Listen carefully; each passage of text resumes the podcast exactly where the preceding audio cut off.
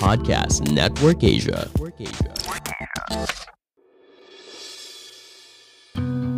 Sekarang Stoicast ID telah didukung oleh Podcast Network Asia. Buat teman-teman yang ingin mempelajari lebih lanjut tentang podcast atau kalian ingin tahu gimana caranya memonetisasi podcast, boleh banget kepoin dan ikutin media sosial Podcast Network Asia atau melalui situs web di podcastnetwork.asia. Dan untuk mempermudah proses monetisasi, daftarkan podcast kalian di podmetrics.co secara gratis.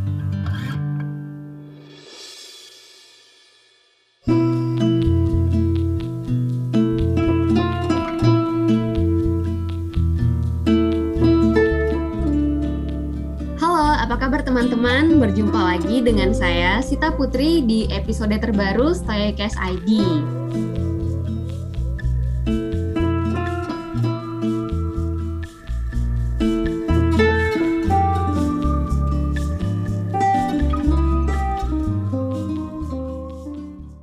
Karena kan satu aliran itu berubah. Apa yang kita pegang hari ini, apa yang kita pelajari hari ini justru adalah hasil dari uh, rekonstruksi berulang-ulang, perubahan berulang-ulang gitu. Hmm, ada evolusi dalam ilmu itu sendiri gitu ya kak?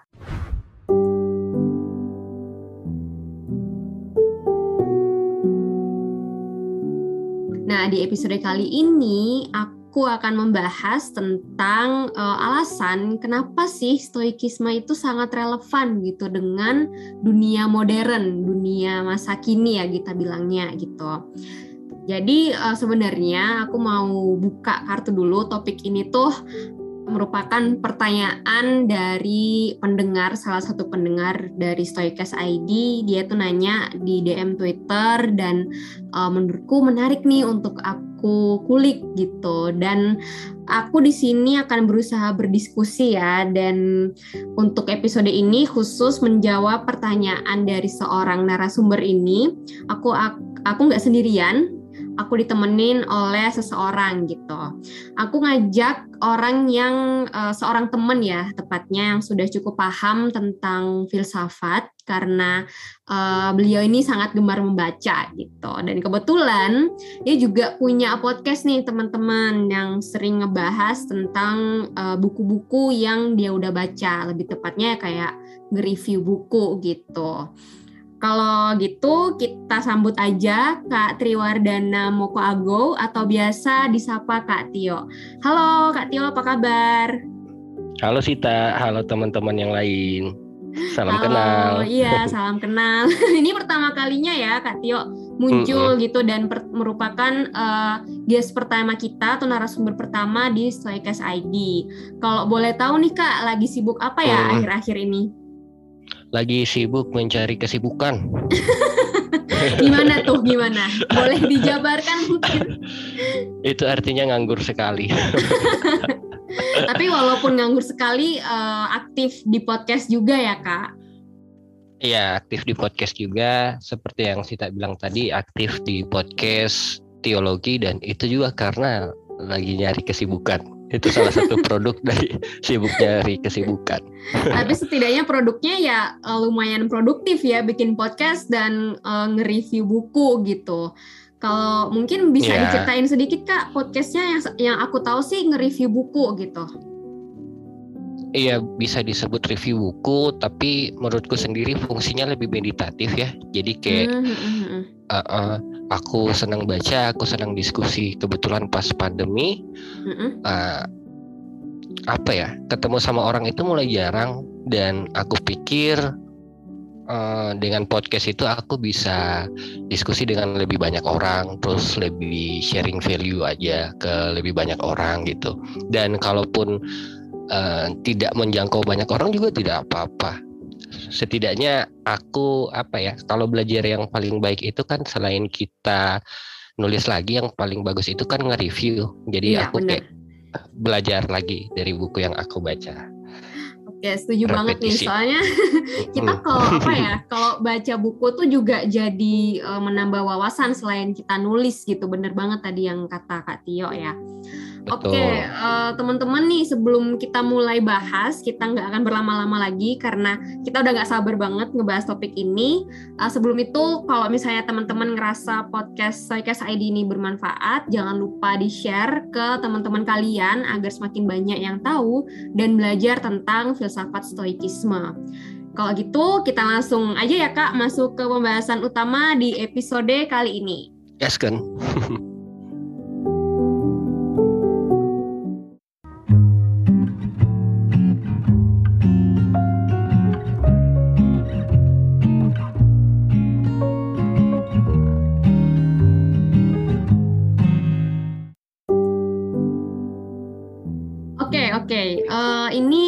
ada beberapa pertanyaan. Mungkin kita langsung ngalir aja kayak ngobrol biasa dan diskusi. Yep, yep. Ini aku cukup tergelitik gitu dan penasaran juga pertanyaannya sebenarnya inti gitu dari judul ini gitu. Uh, menurut Kak Tio nih yang udah lama belajar tentang filsafat dan me, apa ya melahap buku-buku filsafat ya yang sebenarnya lebih dari aku gitu. lebih banyak buku yang dibaca oleh Kak Tio gini terkait filsafat. Menurut Kakak sendiri nih, kenapa sih stoikisme itu hadir dan uh, kesannya tuh lebih relate, lebih berkaitan gitu dengan kehidupan modern kita? Mungkin pertama-tama mulai dari uh, isu yang cukup umum juga ya mm-hmm. terutama Sita kalau nggak salah mahasiswi psikologi ya iya betul iya hari ini kalau menurutku ya penilaian aku mm-hmm. stoik itu dia muncul karena ada isu kesehatan mental terutama untuk generasi Z ya generasi Z akhir-akhir ini. Ya, ya. Jadi kalau kita lihat secara statistik, jadi kalau kita pengen cari yang objektif ya, secara statistik dunia 1500 tahun lalu dibandingkan hari ini, PDB-nya itu atau eh, GDP-nya itu semakin tinggi gitu. Terus ada okay. satu juga fisikawan Feynman, dibilang pasca Perang Dunia Kedua 50 tahun lalu manusia itu umat manusia itu semakin cerdas itu diikuti juga sama urbanisasi jadi semakin tinggi urbanisasi IQ hmm. orang semakin tinggi kecerdasan oh, okay. ab, kecerdasan abstraknya itu semakin meningkat tapi kenapa indeks kebahagiaan manusia hari hmm. ini dibandingkan 50 tahun lalu 500 tahun lalu 1500 tahun lalu itu nggak ada bedanya uh -uh. dan itu uh, masalah kebahagiaan itu dia mulai mulai jadi isu besar ketika ada satu satu apa tokoh favoritku akhir-akhir ini uh, Jonathan Haidt di bukunya uh, Coding American Mind dia hmm. bilang jumlah orang yang masuk di apa ya jumlah mahasiswa dan mahasiswi yang masuk di rumah sakit kesehatan mental itu bertambah. Oke. Okay. Jumlahnya itu paling banyak uh, cewek dan cowok itu walaupun kasusnya beda ya. Jadi hmm. nggak apa-apa agak spesifik ini ya. Iya nggak apa-apa. Oke okay, kok. Dan satu-satu. Um, jadi yang cewek itu memang lebih gampang cemas. Uh, tapi remaja cowok itu nggak sebesar cewek tapi lebih tinggi indeks bunuh dirinya. Tingkat ya, bunuh, ya. Diri, bunuh dirinya itu lebih tinggi itu Um, nah itu membawa kita ke persoalan selanjutnya. Salah satu persoalan terbesar umat manusia hari ini adalah dibandingkan kita takut dibunuh oleh teroris, dibunuh oleh kelaparan dan uh, kematian seperti wabah, kita mesti lebih takut dibunuh oleh diri kita sendiri. Uh, kita bicara soal bundir gitu. jumlah jumlah bundir itu jauh lebih banyak dari jumlah orang yang meninggal karena kelaparan. Oke okay, oke. Okay. Uh, uh bahkan apa ya karena terorisme aduh terorisme itu dikit banget dia uh, menurut data tahun berapa itu tapi boleh dibaca di buku Harari itu 4.700an bundir itu sampai 600 sampai 800 ribu per tahun Oh, banyak banget ya berarti. Iya, betul. Jadi kayak 800 ribu kita bisa hitung mungkin beberapa detik ketika kita lagi ngomong di satu tempat mm -hmm. yang lain itu ada seseorang yang uh, sedang bergulat dengan kecemasannya sendiri. Okay. nah, menurutku itu salah satu konteks di mana uh, stoa kemudian jadi eliksir ya, jadi semacam obat hati gitu. Orang-orang bertahan hidup di dunia di mana kita makin kaya dan makin cerdas, tapi tingkat kebahagiaan, melankolia itu uh, tampak stagnan gitu. Oke. Okay. Nah, konteks selanjutnya menurutku adalah kalau bahasa menampiring itu tirani berpikir positif. Jadi semacam ada tirani keistimewaan. Kita itu apa ya? merasa uh, ini juga ada hubungannya dengan over motivasi sih. Jadi oh, uh, apa okay, ya? Okay. overdosis motivasi. Sekarang kan Eh, ini um, bukan kak toxic positivity itu bukan? Iya toxic oh, positivity. Okay.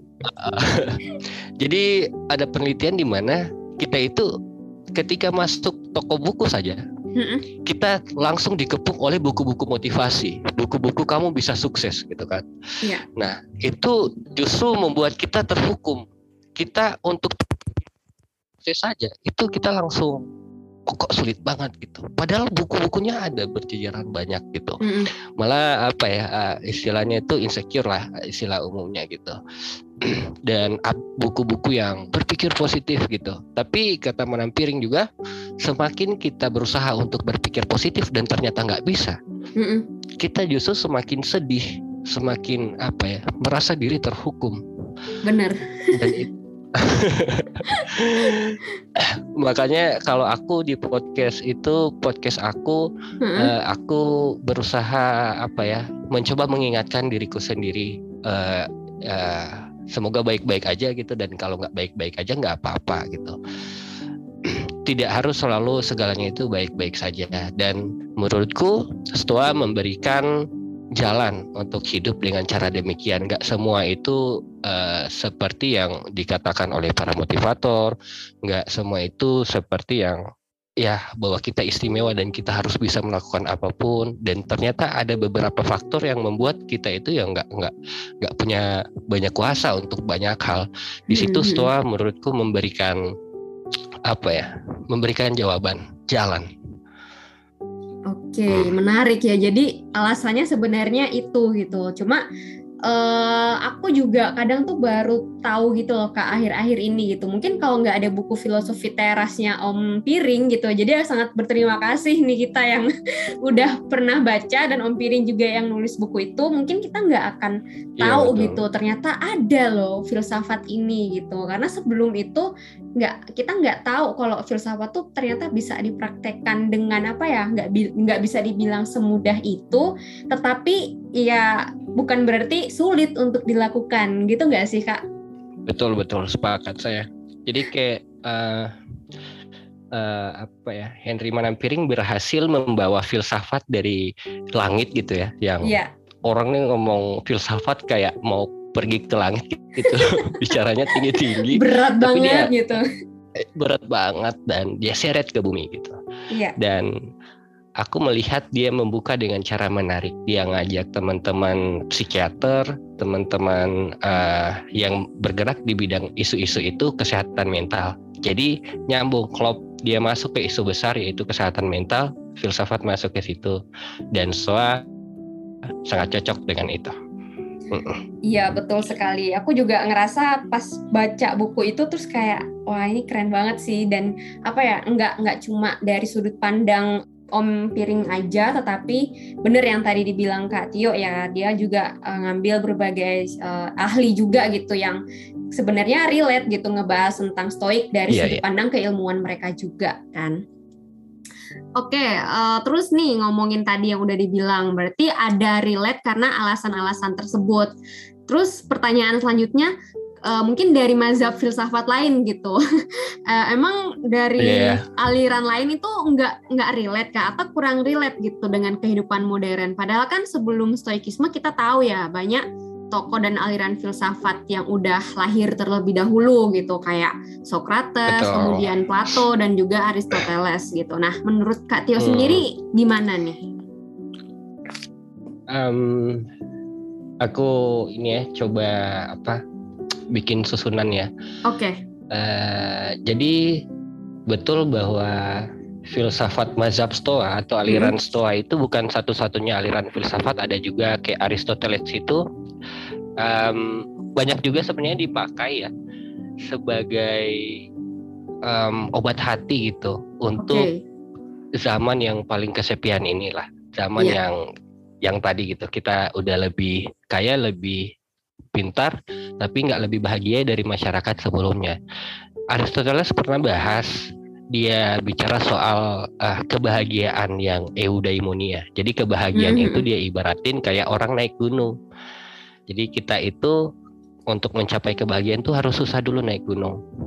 Baru pas di atas terbayar dengan matahari. Jadi ada kebahagiaan yang dia itu harus melalui penderitaan dulu, ada kebahagiaan yang hedonistik yang dia itu uh, semakin banyak menderita semakin gak bahagia, ada kebahagiaan versi Buddhisme yang sebenarnya lebih tepatnya kedamaian gitu. Dan itu juga uh, cukup viral ya dibandingkan Stoa.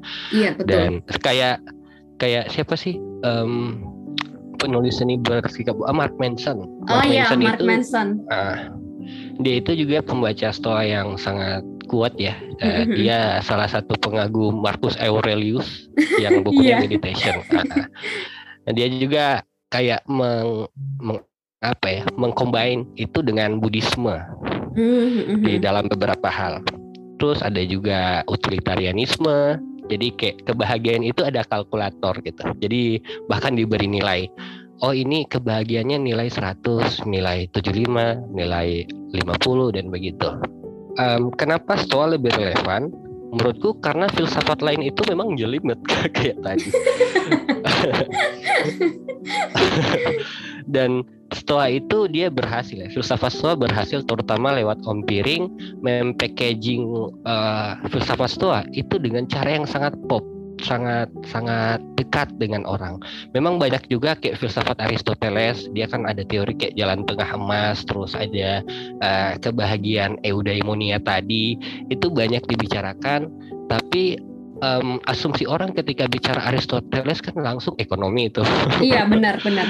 uh, ekonomi, etika gitu, yang yang rumit-rumit lah logika gitu.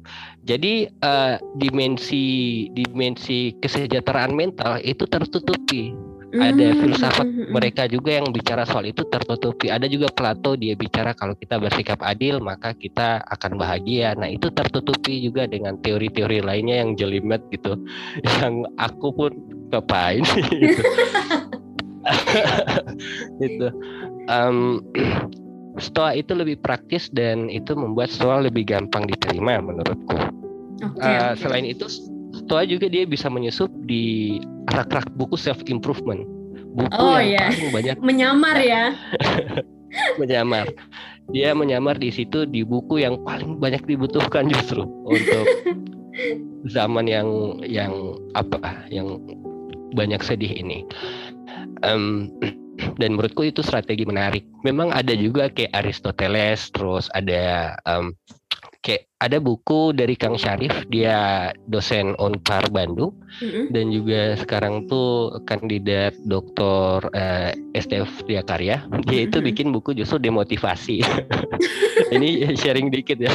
Oke okay, boleh. Demotivasi boleh demotivasi itu kan dia kayak kesannya itu anti motivasi gitu iya tapi aku pernah ketemu buku itu justru di rak buku self improvement padahal Ironis ya jadinya. Ironis.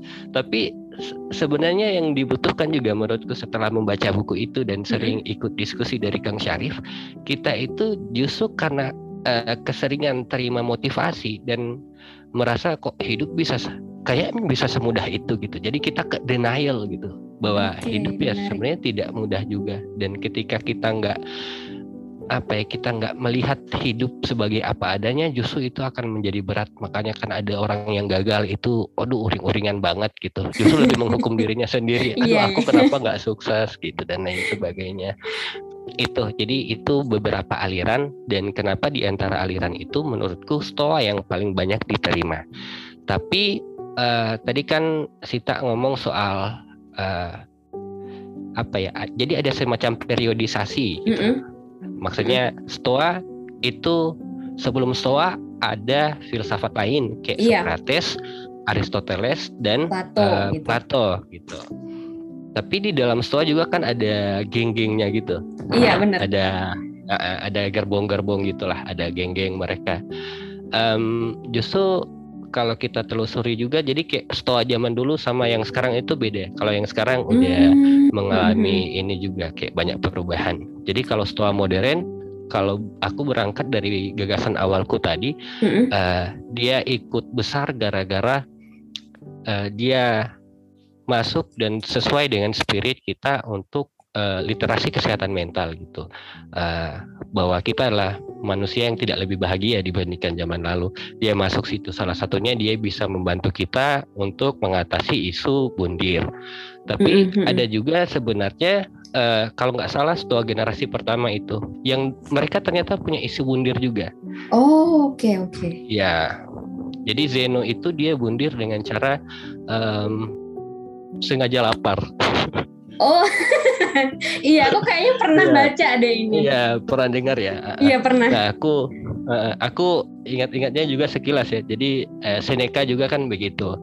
Seneca. Yeah. Terus Kato itu dia uh, mundir sebagai bentuk protes terhadap Julius Caesar di zaman Romawi zaman dulu gitu. Yeah, yeah, yeah. Makanya yang sering kita dengar itu kan Epictetus yang kita itu lebih menderita di imajinasi dibandingkan dalam kenyataan. Mm -mm. Karena Epictetus itu yang menolak uh, apa namanya? Dia menolak keras soal bundir.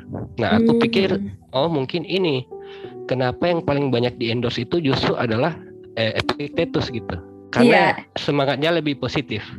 Epictetus dan Marcus Aurelius gitu. Marcus Aurelius betul betul. Marcus Aurelius. Jadi lebih lebih apa ya? Lebih sesuai dengan isu kesehatan mental gitu. Jadi kalau mau dibilang uh, Iya memang sebelum Stoa zaman sebelum Stoa itu ada filsafat lain setelah Stoa ada filsafat lain. Iya. Tapi Stoa hari ini juga dia mengalami banyak evolusi lah ya. Hmm. Jadi dia banyak perubahan-perubahan gitu. Apakah aku uh, kalau di apa ya uh, komunitas filsafat pada umumnya itu biasanya kan um, agak ada beberapa yang kayaknya bosan dengan hmm. stoa gitu dan beberapa argumen kayak oh, iya tapi kan ada tokoh-tokoh stoa juga yang bunuh diri. Ini kok nggak konsisten ya? Menurutku Eh, nggak bisa didasarkan pada hal itu. Karena kan Sering kan suatu aliran tuh. itu dia selalu berubah. Iya. karena kan satu aliran itu berubah. Apa yang kita pegang hari ini apa yang kita pelajari hari ini justru adalah hasil dari uh, rekonstruksi berulang-ulang.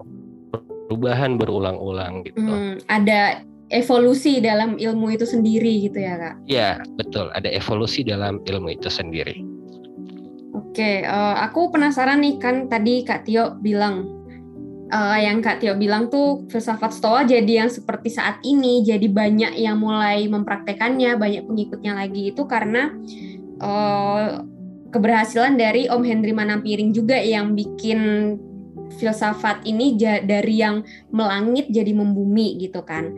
Uh, pertanyaanku apakah Uh, yeah. Artinya uh, filsafat lain, aliran lain itu belum ada nih autor yang mungkin di Indonesia yang bisa menjabarkan uh, aliran-aliran selain stoicisme seperti yang dilakukan oleh Om, Om Henry Manampiring. Um, tunggu aku ingat-ingat dulu ya. Ya oke. Okay. Uh, santai aja santai. mungkin apa ya? Mungkin Om Piring itu dia berhasil karena dia sebenarnya banyak tapi tergantung distribusi distribusi wacana atau gagasan filsafatnya di mana. Hmm. Kenapa menurut Kustoa dia berkembang biak dengan sangat cepat? Hmm. Karena distribusinya di toko buku komersial yang salah satu paling besar di Indonesia gitu. Oh, oke. Okay, yang lain setauku ada. Uh -uh. Jadi kayak uh, ini kan filsafat teras mau dibikin komik juga ya.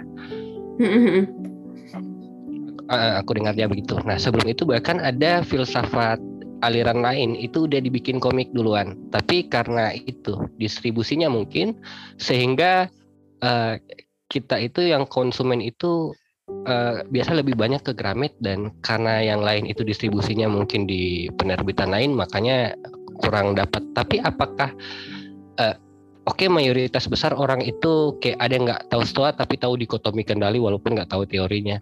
Itu karena iya. uh, uh, paling banyak begitu memang. Tapi uh, filsafat lain ada juga pasarnya ada gitu segmennya ada mereka. Oh, oke okay. jadi sebenarnya kalau kita nyari sendiri pun bakal ada gitu ya. Cuma memang toko bukunya ya. aja yang kurang uh, distribusinya kurang uh, kurang gede gitu. Kayak uh, kita ini sebut merek nih nggak apa-apa nih oke okay, terus uh, aku okay, juga okay, okay. kepo sama yang dibilang tadi kalau berarti uh, stoa yang kita pelajari sekarang itu mungkin udah yang uh, berevolusi gitu dibandingkan dengan yang mungkin diajarkan oleh Zeno, kemudian dari Zeno diajar uh, diajarkan lagi oleh uh, Keto, kemudian dari Musonius Rufus, para filsuf-filsuf awal sampai ke Seneca, Epictetus, kemudian ke Marcus Aurelius gitu kan karena yang dibilang tadi yang yeah, yeah, yeah. dua uh, filsuf terakhir Marcus Aurelius dan juga Epictetus dia uh, lebih positif gitu karena nggak nggak me, apa ya mendukung yeah, yeah, dengan yeah. upaya bunuh diri itu sendiri gitu. Uh, apakah uh, ada gitu apa ya yang apa sih yang membedakan gitu antara Stoa yang dahulu kala gitu yang mungkin awal-awal dan juga yang saat ini yang sudah mulai berkembang bahkan uh, kan kita dulu mungkin taunya juga dikotomi kendali. Sekarang eh udah ada nih trikotomi kendali gitu. Nah, menurut Kak Tio sendiri eh, gimana tuh pendapatnya tentang pe, apa ya evolusi dari stoicisme ini sendiri? Um, menurutku itu hukum alam. Jadi ketika ada satu gagasan, dia kan biasanya uh, ada bantahan gitu, ada bantahan, uh, ada dialektika lah. Dialektika itu jadi dibantah. Jadi kayak kayak kapak itu kan semakin dia dibanting pembuatan kapak nih semakin dia dibanting dibenturkan dibenturkan dia terbentuk gitu menurutku apa yang pernah terjadi di mazhab stoa dan bahkan mazhab lain mazhab filsafat lain itu dia bukan hasil yang jadi gitu ketika satu gagasan itu dilemparkan ke publik berarti dia itu harus siap untuk diubah disangkal terus menerus gitu terutama di dunia ilmu pengetahuan ada namanya tuh falsifikasi. Jadi gagasan yang baik justru adalah gagasan yang dibantah terus. um, dan itu sebenarnya sangat wajar gitu. Bahkan sekarang eh dikotomi kendali. Aku juga baru dengar dari Sita waktu di Twitter kalau nggak salah. Oh ada dikotomi kendali gitu. Bahkan di sains sendiri yang berkembang ternyata tidak ada uh, kehendak bebas justru tidak ada kendali. Karena kendali kita kayak misalnya um, aku nggak bisa memutuskan ada adalah aliran dari dalam sains yang kita itu nggak punya kendali. Aku nggak bisa misalnya memutuskan mau lahir dari rahim siapa, aku sifatnya kayak gimana karena sifat itu dibentuk oleh gen dan aku juga nggak bisa menentukan lingkungan di mana aku tinggal gitu. Ada hal yang menarik misalnya di proyek Multatuli ada tulisan dia bilang kita itu beberapa orang mau galau saja itu sudah privilege privilege gitu karena banyak orang yang dia galau tuh nggak bisa besok itu langsung kerja. Dan pas kerja itu capek banget. Dan dia nggak punya waktu untuk galau dan mikirin masa depan. Ternyata ada yang begitu. Nah aku juga ada teman-teman yang mereka itu nggak tahu bagaimana cara mengobati luka hati. Karena lingkungan mereka itu uh, apa ya istilahnya um, mendukung gitu. Jadi dibandingkan ya kalau e, bahasa kita tadi itu kayak ada toxic positivity. Kalau nggak toxic positivity ya toxic banget gitu. jadi akhirnya lingkaran lingkaran jadi lingkaran setan nih uh, luka itu maksudnya bully satu sama lain itu akhirnya jadi terbiasa dan lain sebagainya. Ternyata di sains juga berkembang ada yang namanya itu non kendali gitu. Dalam artian kita nggak punya kehendak bebas atas segalanya, tapi ada juga gagasan lain gitu. Itu semua uh, berkembang sih menurutku. Oke. Okay, Tinggal okay. dan menurut dan menurutku juga apakah perbedaan aliran-aliran itu uh, tidak perlu menurutku perlu karena hanya dengan perbedaan pendapat seperti itu ya kita bisa kayak apa ya ya kita diskusi bisa jalan dialog bisa jalan dialektika bisa jalan dan selama itu um, manusia bisa berkembang gitu. Sangat diplomatis ya endingnya. Tapi ya aku setuju juga sih kak, karena kalau misalnya keilmuan itu nggak akan berkembang, mungkin ya kita sebagai manusia juga nggak akan berkembang gitu kan. Sedangkan betul, kita betul, manusia ya tiap hari itu pasti ada aja yang berubah gitu, entah pendapat kita yang berubah, entah rencana kita yang berubah, entah iya, uh, iya. mood kita juga yang berubah gitu kan. Jadi uh, menurutku tuh juga wajar gitu keilmuan bisa yeah, yeah. berkembang. Tapi selama uh, ya gimana kak? Iya, aku tiba-tiba ingat. Jadi kayak mm mungkin juga ada faktor seleksi alam ya. Jadi istilah-istilah kita tuh. Jadi kayak di antara filsafat itu yang ke kebetulan sedang berkembang dan adaptif itu adalah stoa gitu. Jadi ada faktor itu juga. Mm Jadi setelah dibentur-benturin, jadi seleksi. Oh ini yang paling cocok nih. Tapi juga dalam hukum seleksi alam itu uh, apa yang hari ini kita terima oh ini cocok banget. Itu juga belum tentu di uh, eh, 10 tahun kemudian itu juga akan cocok. Bisa jadi akan mengalami perubahan dan bisa jadi ada filsafat lain yang lebih cocok gitu untuk uh, saat-saat sebelumnya. Eh saat-saat yang selanjutnya gitu Oke, jadi bisa jadi oh aku hari ini adalah seorang uh, pegiat stoik, tapi 10 tahun kemudian oh aku pegiat hmm. ini nih filsafat sinisme nih. gitu bisa jadi ya. Iya, bisa jadi. Nah, kalau okay. aku sendiri eh, hmm. boleh nggak sharing curhat dikit ya? Boleh, boleh, boleh banget, boleh banget. Nah, aku sendiri uh, apa aku juga penikmat stoa ya. Aku mm -hmm. dari awal tahun tuh baca yang buku apa Rian Holiday yang 365 tuh. Jadi tiap hari tuh ada uh, kuliah stoa gitu. Aku buka yeah. tiap hari gitu. Nah, nah kalau aku sendiri yang aku terkadang menikmati juga suasana getir kayak eksistensialisme. Mm -hmm. Kenyataan bahwa hidup ini pahit gitu. Jadi uh, aku tuh sering kali kalau misalnya hidup ngerasa down banget tuh aku stoa jadi kayak ini masalah selera, selera dan situasi. Gitu. Kalau hidup sudah terlalu stabil rasanya, terlalu apa ya, di di di terlalu terlalu nyaman, terlalu rasional. Iya, nyaman dengan rasionalitas. Aku tuh pengen lari ke eksistensialisme. Eksistensialisme itu kan yang sering dibilang murung tuh kayak anak-anak emo, galau gitu ya. Nah, di situ ada kenikmatan juga karena di sisi lain apa ya aku kayak ada ketertarikan pada sastra dan seni juga gitu. Jadi um, kalau menurutku secara personal aku preferensinya bisa pindah-pindah. Dan itu yang menurutku juga setua juga. Kalau kita melihat publik sebagai uh, agregat dari individu-individu gitu bisa jadi selera publik juga akan berubah. Tapi untuk saat ini menurutku stoa adalah jawaban dan jalan yang paling paling dibutuhkan masyarakat kita saat ini.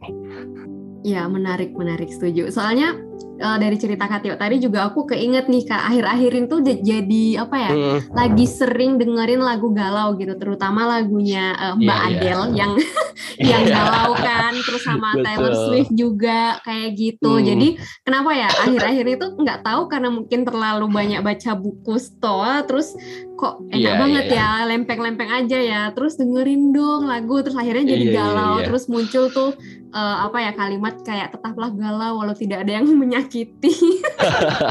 Kayak gitu. Kayak gitu gitu. Cuma hal ini tuh bukan bukan berarti aku everyday is galau gitu. Cuma hanya buat yeah, yeah. Uh, kita biar tahu merasakan juga gitu. Oh ada emosi ini nih yang harus kita rasakan juga.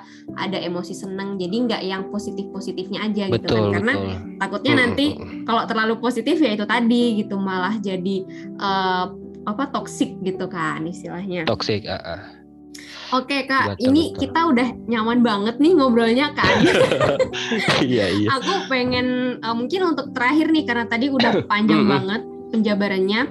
Uh, aku pengen uh, nanya tentang ini filsafat stoikisme kan tadi kita udah jabarin, kita udah bahas itu mulai populer kembali apalagi uh, di zaman yeah. modern ini dan di antara aliran filsafat lainnya juga. Meskipun usianya itu udah tua banget, udah 2500 tahun ya kalau nggak salah. Dan faktanya aliran hmm. filsafat ini tuh juga masih sangat berkaitan gitu dengan kondisi kehidupan modern tuh bikin uh, para praktisi stoa dan pengikutnya itu juga semakin bertambah seiring berjalannya waktu hmm. pun juga dengan evolusi dari keilmuan uh, stoikisme ini sendiri. Nah dari Kak Tio nih uh, ada nggak sih yang ingin disampaikan untuk para pendengar Stoikes ID yang juga sedang mempraktekkan stoikisme atau baru mulai mempraktekannya atau mungkin yang pengen coba-coba nih ah aku dulu dari filsafat ini pengen deh coba terjun ke stoa gimana ya belajar gitu menurutku melanjutkan saja sih. Selama menurutku apa ya semacam aliran filsafat dan apa yang pengen kita pelajari itu kayak kita pengen nyobain masakan aja Mm, Jadi kayak mm, tergantung selera. Jadi teman-teman ada yang seleranya di stoa silakan dan teman-teman yang masih bergelut di stoa silakan. Yang pengen mencoba masakan baru, berpetualang di tempat baru itu juga boleh lebih bagus gitu. Yang penting menurutku selama nggak nggak apa ya nggak terjebak di apa di di identitas gitu. Jadi identitas aku sebagai stoa itu lebih superior dibandingkan yang lain. Ident oh enggak, identitas eksistensialis lebih superior dibandingkan stoa. Menurutku itu yang udah nggak sehat. Kalau itu yang kayak sinisme itu ya. Mm -mm. Jadi dia sikap negatif tapi secara emosional. Kalau skeptis mm -hmm. boleh, skeptis boleh. Dan bahkan ketika berfilsafat, filsafat itu kan pertanyaan yang bertanya terus menerus secara radikal mm -hmm. dan mencari titik tidak puas gitu. Makanya aku membuka peluang bahwa stoa kemungkinan itu dia tidak akan relevan, iya. Tapi kemungkinan juga akan relevan, masih akan relevan gitu. Jadi bukan pesimis dan optimis tapi posibilis. Posibilitas okay. gitu. Ini soal posibilitas. Itu. Tapi nah, itu sih paling menurutku jangan terjebak di logika uh, apa ya, logika identitas itu.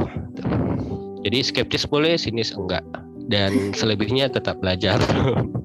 Oke setuju sih setuju banget soalnya hmm. ada yang uh, nggak aku aku nggak setuju dengan stoa gitu ya ya udah nggak yeah, apa-apa yeah. gitu orang uh, praktisi stoik itu juga nggak nggak akan apa ya nggak akan terdistraksi dengan pendapatmu kok gitu kan istilahnya kalau misalnya memang hmm. kita sedang mempraktekkan gitu oke kak mungkin aku agak kepo sedikit nih karena aku senang banget hmm. dengan pembahasan kita tapi aku agak melenceng sedikit nih mungkin ada yang bilang uh, terkait bahasan ini nih filsafat itu kita kalau belajar filsafat hmm. ntar jadi ateis nih menurut Katio sendiri nih pendapat kayak gitu uh, kita harus kayak apa ya menanggapinya tuh seperti apa gitu. Hmm. sedangkan eh, nggak uh, semuanya orang yang belajar filsafat menjadi seperti itu gitu. Yeah, bahkan yeah uh, beberapa di antara kita dan teman-temanku juga yang mempraktekkan stoa ini bilang aku kok jadi lebih apa yang merasa dekat dengan Tuhanku, merasa bahwa apa yang ya, diajarkan betul. oleh agamaku itu jadi apa ya uh, tercerahkan gitu melalui pembelajaran hmm. dan mempraktekkan stoikis. Iya. Mm -mm. Iya itu salah satu yang paling banyak sih ada yang bilang oh mirip Rocky Gerung. Terus uh, bisa gila gitu. Jadi aku biasa kasih contoh pembanding sih. Jadi dulu juga pernah diskusi sama Kak Indah Wahyuningsi soal ini. Jadi kita itu ngomong soal kenapa sih orang yang bergelut di filsafat biasa identik dengan ateis. Padahal ada juga contoh filsafat digunakan untuk mengembangkan agama. Kayak hmm. di Barat itu ada Santo Agustinus, dia juga yang sempat ngekritik Keto tadi. Mm-hmm. Dia mengembangkan filsafat dalam uh, Kristen gitu. Juga ada Thomas Aquinas, dia itu uh, mengadopsi Aristoteles untuk mm, memberikan argumen pendukung terhadap Tuhan. Kalau di Timur itu ada Al-Ghazali, Al-Kindi, terus ada Al-Farabi, Ibnu Rushd dan banyak lagi gitu. Ada Hasan Hanafi, banyak juga kok filsuf yang memakai argumentasi filsafat untuk memperkuat agama. Banyak juga yang menjadikan filsafat sebagai alat untuk menghancurkan agama. Tapi kan kita kayak buku yang sama aku sama Indah baca baru-baru itu Factfulness, kita itu punya insting negativitas. Kita mm -hmm. biasa melihat hal-hal negatif itu sebagai kebenaran gitu. Sedangkan hal-hal positif itu jarang kita ini. Karena orang itu kalau hal-hal negatif itu gampang cepet gitu. Media sosial itu kan kenapa kita lebih cepat melihat uh, kita tuh lebih cepat melihat berita yang negatif daripada yang positif makanya kan um, ya itulah salah satu faktornya. Uh, aku takut ini semakin merembet ke mana-mana. Intinya okay. intinya adalah kita lebih gampang mengira bahwa dunia ini penuh dengan hal-hal negatif daripada positif. Kayak ada pertanyaan dari dari dari apa? Dari seorang pakar ekonomi perilaku. Mm-hmm. jadi ada dua contoh. Orang pertama itu dat dua orang itu datang untuk uh, check up gitu medical check up. Orang pertama diagnosisnya adalah 90% kamu bebas dari kanker. Orang kedua diagnosanya adalah 10% kamu kena kanker. Dan umumnya orang akan menilai menilai yang lebih gelisah itu orang kedua, 10% kena kanker. Padahal 10% kena kanker dan 90% itu nggak kena kanker itu sama aja. Jadi hanya gara-gara 10% yang negatif kita itu jadi menganggap apa ya lebih lebih terfokus ke situ hanya karena ada orang yang berfilsafat terus ateis bukan berarti semua filsafat itu akan berujung ke ateis. Nah, menurutku begitu sih. Oke, menarik ya. Semoga kalau ada yang masih mempertanyakan uh, jawaban singkat dari Kak Tio tadi cukup membuka wawasan.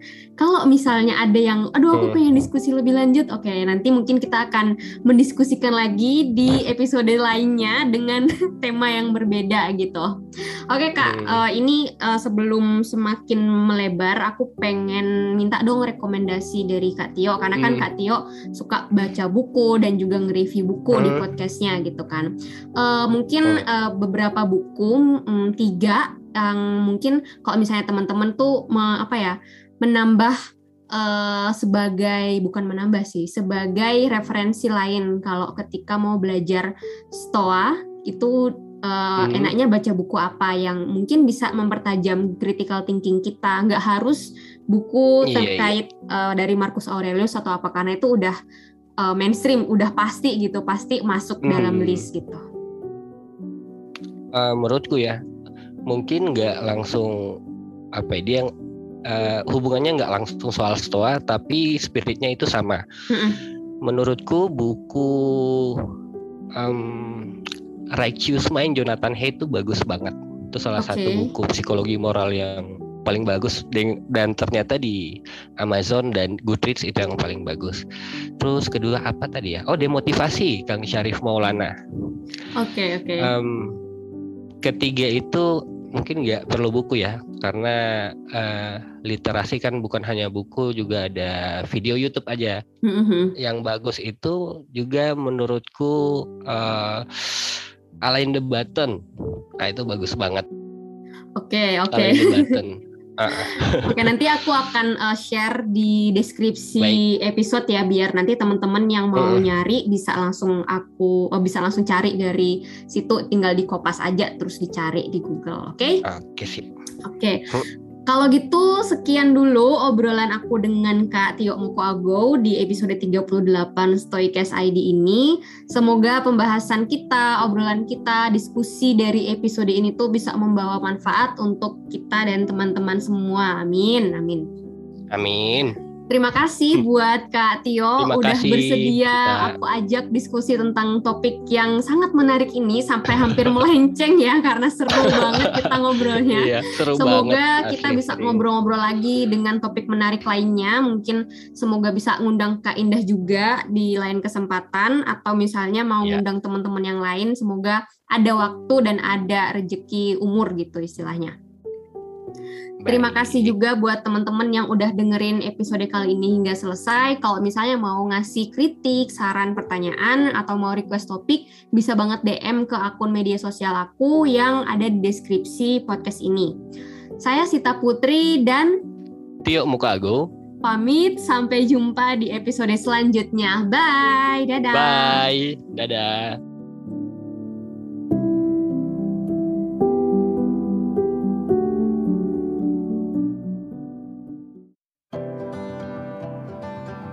Pandangan dan opini yang disampaikan oleh kreator podcast, host, dan tamu tidak mencerminkan kebijakan resmi dan bagian dari podcast Network Asia. Setiap konten yang disampaikan mereka di dalam podcast adalah opini mereka sendiri dan tidak bermaksud untuk merugikan agama, grup etnik, perkumpulan, organisasi, perusahaan, perorangan, atau siapa pun dan apa pun.